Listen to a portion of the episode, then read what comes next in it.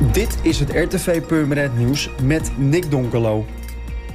De nazomerfeestweek en ook de korte baandraafvrij in Purmerend gaan voor het tweede achtereenvolgende jaar niet door. De week stond gepland van 4 tot en met 12 september, maar de besturen van Stichting Purmerend Marktstad en Stichting Harddraverij Prins Bernhard hebben in overleg met de gemeente Purmerend besloten om de week opnieuw af te blazen. De reden is dat bepaalde overheidsmaatregelen die vanwege de uitbraak van het coronavirus zijn genomen ook in september nog van kracht zullen zijn.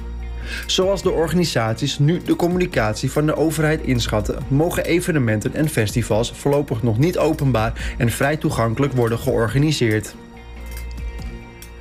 Turncentrum Waterland is op zoek naar nieuw talent en organiseert daarom op vrijdag 25 juni een instuif in de turnhal van De Beuk voor jongens en meisjes uit 2014, 2015 en 2016.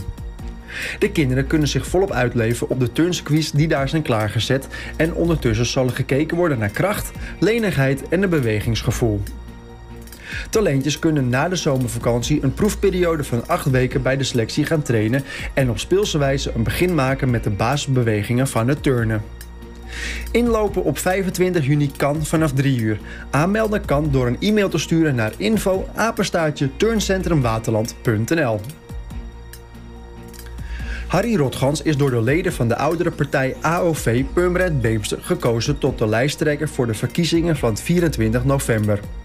Rotgans zegt er trots op te zijn dat de leden hem het vertrouwen hebben gegeven om de partij te leiden in de campagne voor de gemeenteraadsverkiezingen van 2021. Harry Rotgans is al sinds 1998 actief in de lokale politiek.